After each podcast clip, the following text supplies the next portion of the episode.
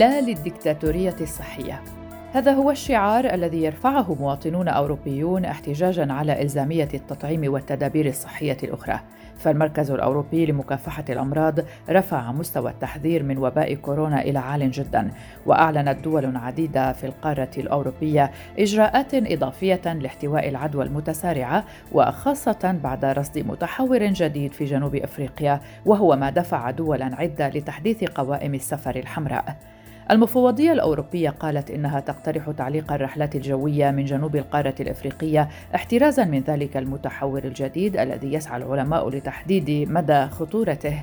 وعليه فقد شهدت مدن عدة في بريطانيا وفرنسا وأستراليا عديدا من المظاهرات احتجاجا على إلزامية التطعيم والتدابير الصحية الأخرى التي اتخذتها السلطات المعنية لمكافحة الموجة الجديدة من فيروس كورونا.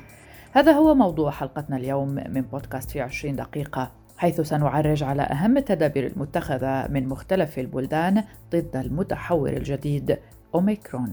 أهلا بكم معكم براء صليبي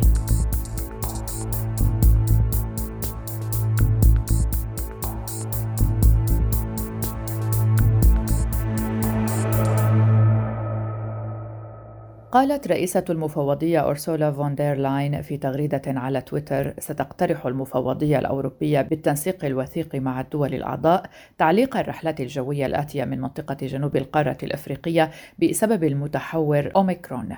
وبالفعل أعلنت إيطاليا وألمانيا الجمعة الماضية إغلاق الحدود أمام القادمين من دول في جنوب القارة الإفريقية أسوة بما أعلنته بريطانيا قبلها بيومين.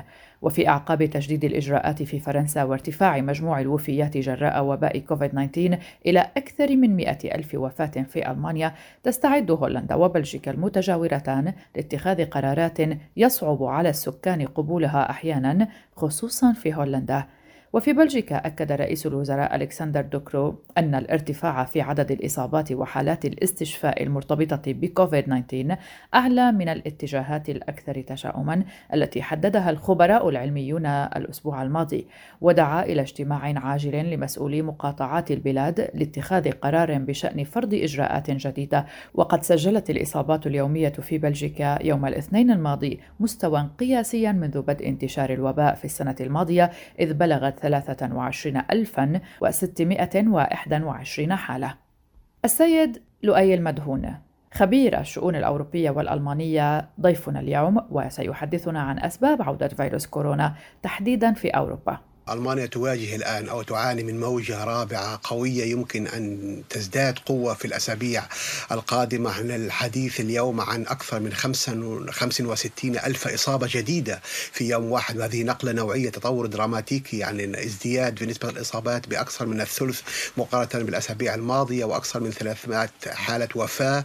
يعني آه، أتوقع هذا الانهيار في النموذج الألماني إن صح التعبير يعود لعدة أسباب. السبب الأول هو حالة التشكيك العام بفعالية ونجاعة اللقاحات. يعني نتحدث في ألمانيا هنا عن نسبة التلقيح المتواضعة التي تصل إلى فقط إلى 66 أو 67% وهي أقل بكثير من دول أوروبية أخرى على غرار أسبانيا والبرتغال التي تصل فيها نسبة التلقيح إلى أكثر من 95% باتت أوروبا مجددا البؤرة العالمية للوباء حيث يخفض المتحور دلتا فعالية اللقاحات في احتواء العدوى بنسبة 40% وفقا لمنظمة الصحة العالمية وأدت الجائحة لوفاة أكثر من مليون ونصف شخص في أوروبا من أصل أكثر من خمسة ملايين ومائة وستين ألف وفاة سجلت في أنحاء العالم منذ نهاية عام 2019 وقرر المركز الأوروبي للوقاية من الأمراض ومكافحتها رفع مستوى التحذير من الوباء إلى عال جدا.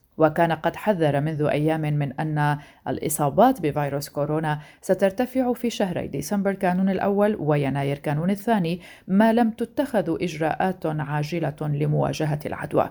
وفي ألمانيا ارتفع معدل الإصابات إلى مستوى قياسي جديد يفوق 76 ألف حالة وتستعد القوات الجوية الألمانية لنقل مرضى كورونا من المستشفيات المكتظة بالجنوب مع ارتفاع أعداد المصابين. ستكون هذه أول مرة تستخدم فيها القوات الجوية طائرات مزودة بما يصل إلى ستة أسرة من وحدة الرعاية المركزة لنقل مرضى كوفيد 19 داخل ألمانيا. وأفادت وزارة الصحة الألمانية بأن هناك زيادة مضطردة في أعداد مرضى كوفيد 19 بوحدات العناية المركزة وقال وزير الصحة ينس شبان إن الموجة الحالية ستنتشر في عموم البلاد وفي وقت سابق وصفت المستشارة الألمانية أنجيلا ميركل تصاعد عدد الإصابات والوفيات بسبب الجائحة بأنه خطير للغاية ودعت إلى فرض مزيد من القيود وكذلك وصف خليفتها المحتمل أولاف شولتز الوضع بأنه دقيق جدا وذلك بعدما سجلت البلاد أكبر إحصاء من الإصابات والوفيات منذ بداية الجائحة. أما بريطانيا فأعلنت أنها ستمنع المسافرين من ست دول أفريقية من دخول أراضيها بسبب النسخة المتحورة الجديدة من فيروس كورونا.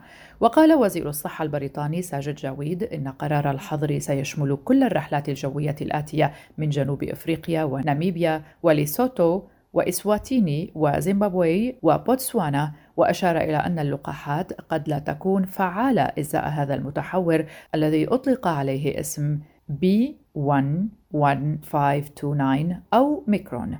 وكانت وكالة الأمن الصحي البريطانية قالت إن المتحور الذي ظهر في جنوب إفريقيا يشكل أكبر تحد منذ منذ بداية الوباء وأوضحت أن هذا المتحور يملك قدرة على التحول تفوق بضعفين قدرة متحور دلتا الذي اكتشف في الهند وأشارت إلى أنه يملك بروتينا يختلف بشكل كبير عن الموجود في فيروس كورونا الأصلي.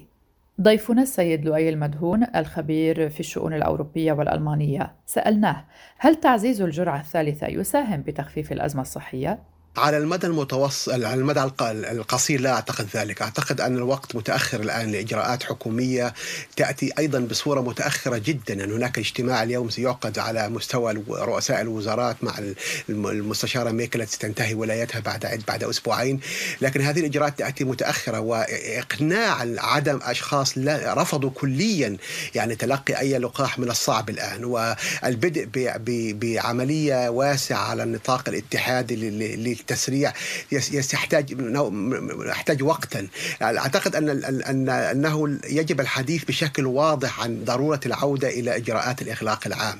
على الأقل اغلاق الإغلاق الجزئي وتجنب التجمعات الكبيرة. قضية يعني قضية إقناع هناك. هناك مناقشة هامة هناك دور للمحاكم للمحكمة الدستورية في ألمانيا. هناك حركة شعبية لها ذراع سياسي في البرلمان الألماني ترفض إجراءات الإغلاق العام وتشكك كليا في وجود وخطوره خطوره فيروس كورونا وضرورة التلقيح. يعني نحن هناك امام جملة من العوامل تعيق ذلك. لذلك أعتقد أنه يجب الحديث على الأقل عن إغلاق جزئي ومنع التجمعات الكبيرة وربما إغلاق أو التقليل من إجراءات الاحتفالات بأعياد الميلاد. يعني يجب الحديث عن هذا الأمر إذا أردنا السيطرة على على على التسارع المضطرد في في انتشار الفيروس. وإلا من من يعني من الآن آه، يجب الحديث عن احتمال الانهيار في في في المجال الصحي في وحدات العناية المركزة. ونحن نتحدث عن عن عن تطور خطير يعني يجب نحتاج يحتاج إلى عدة أسباب لكسر هذه الموجة. العلماء قالوا إنه لابد من إجراء دراسات مخبرية لتقييم احتمالات أن تؤدي المتحورات الجديدة إلى انخفاض كبير في فعالية اللقاحات. ومن جهتها قالت شركة فايزر الأمريكية إنها تتوقع الحصول خلال أسبوعين على بيانات بشأن تأثير لقاحها على متحور كورونا الجديد. وقالت جنوب إفريقيا إنها سجلت 22 إصابة بالمتحور الجديد في صفوف الشباب كما سجلت أيضا حالات في بوتسوانا المجاورة وكذلك في هونغ كونغ لدى شخص عائد من جنوب إفريقيا. وعلى ذكر هونغ كونغ ألغت الصين من يوم الجمعة الماضي مئات الرحلات الجوية وأغلقت بعض المدارس وعلقت أنشطة سياحية بعد اكتشاف إصابات بفيروس كوفيد-19 في شنغهاي. يشكل هذا التطور ضغطا على الصين المضيفة لدورة الألعاب الأولمبية الشتوية.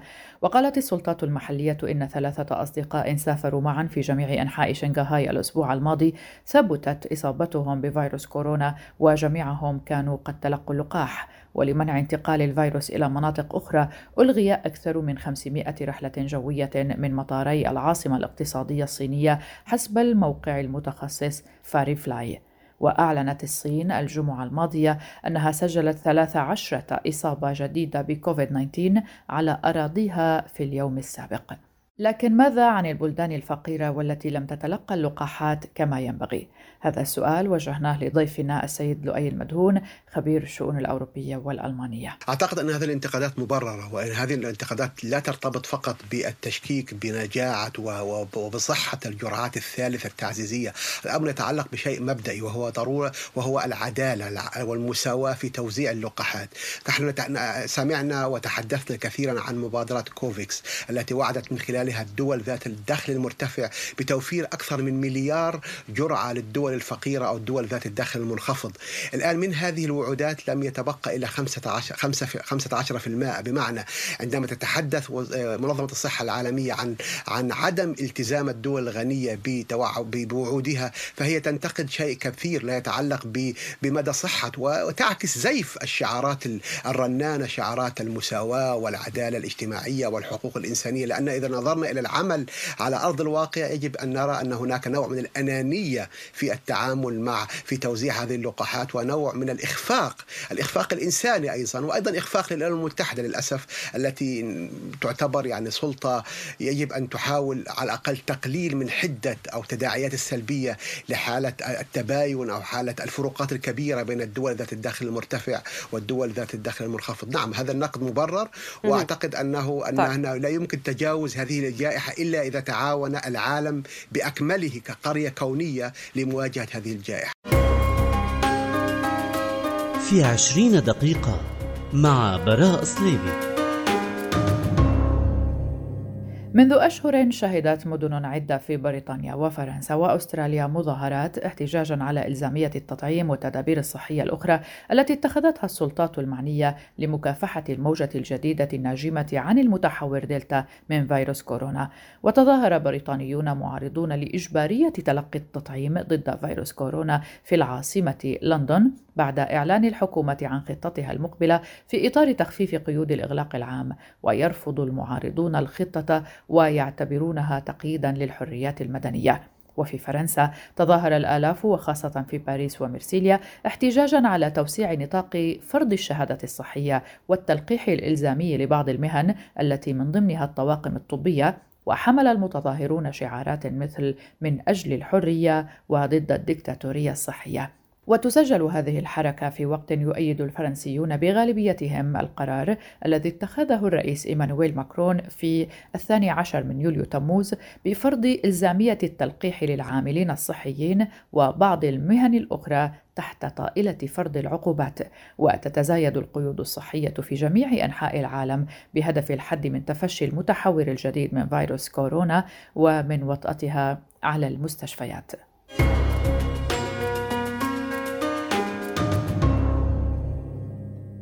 سيدني الأسترالية أيضا شهدت صدامات بين عناصر في الشرطة الخيالة ومتظاهرين رشقوهم بزجاجات وأوان إثر فرض الحجر المنزلي لشهر على سكان المدينة البالغ عددهم خمسة ملايين نسمة. وفي فيينا تجمع أكثر من 35 ألف متظاهر وفق الشرطة في فيينا للاحتجاج على الحجر والتطعيم الإجباري الذي أعلنته الحكومة لمكافحة جائحة كورونا.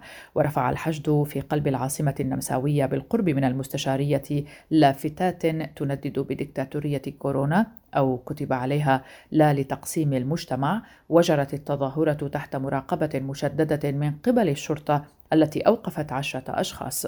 في هولندا أطلقت الشرطة الهولندية طلقات تحذيرية منذ أيام بعد اندلاع أعمال شغب في مدينة روتردام الساحلية خلال تظاهرات ضد إغلاق جزئي بسبب كورونا ما تسبب بسقوط عدد غير محدد من الجرحى وفق ما أعلنت الشرطة المحلية. كما استخدمت الشرطة خراطيم المياه لتفريق المتظاهرين الذين أضرموا حرائق عدة وأطلقوا الألعاب النارية في أحد شوارع روتردام الرئيسية قبل أسبوع من دخول قرار الإغلاق الجزئي حيز التنفيذ.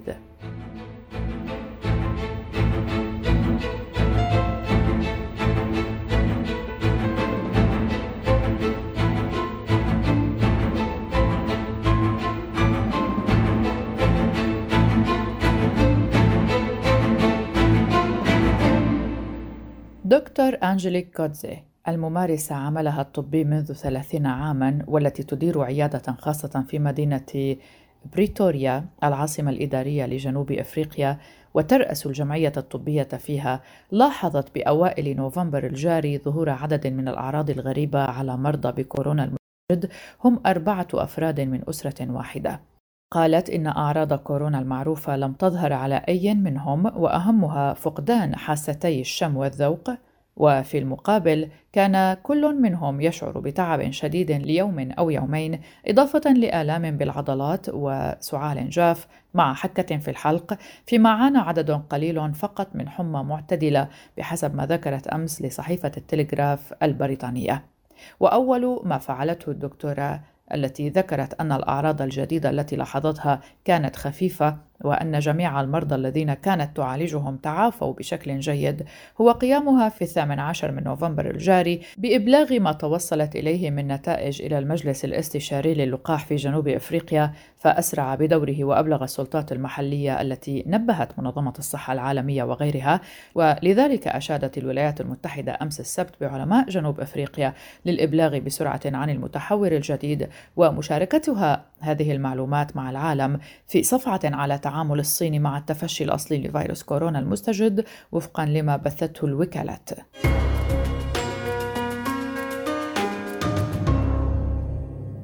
إذا كيف تحمي نفسك من أوميكرون وكل متحورات كورونا؟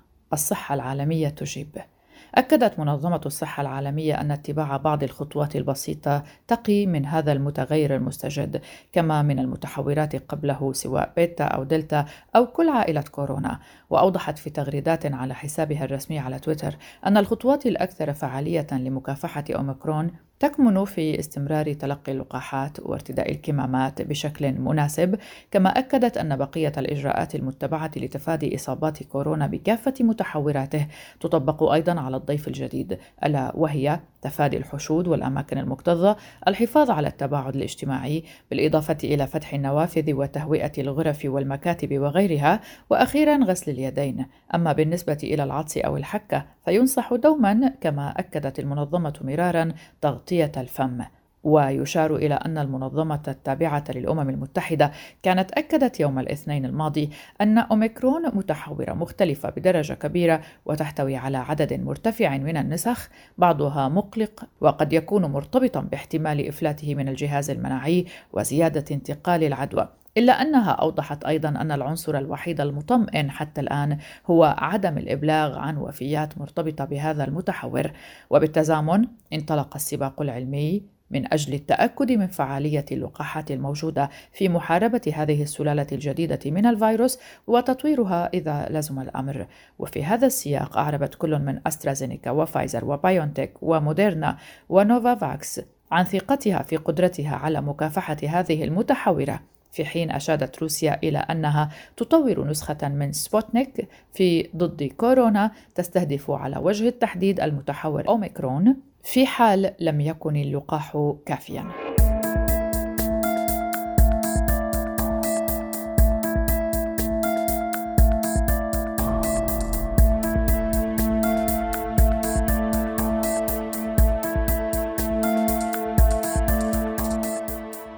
هذه كانت حلقة من بودكاست في 20 دقيقة. كنت معكم براء صليبي شكرا لكم لحسن المتابعة. لا تنسوا أنكم دائما يمكنكم متابعة بودكاست في 20 دقيقة عبر منصات بودكاست المختلفة iTunes Google Podcast Spotify Stitcher وأيضا منصتي SoundCloud وأنغامي.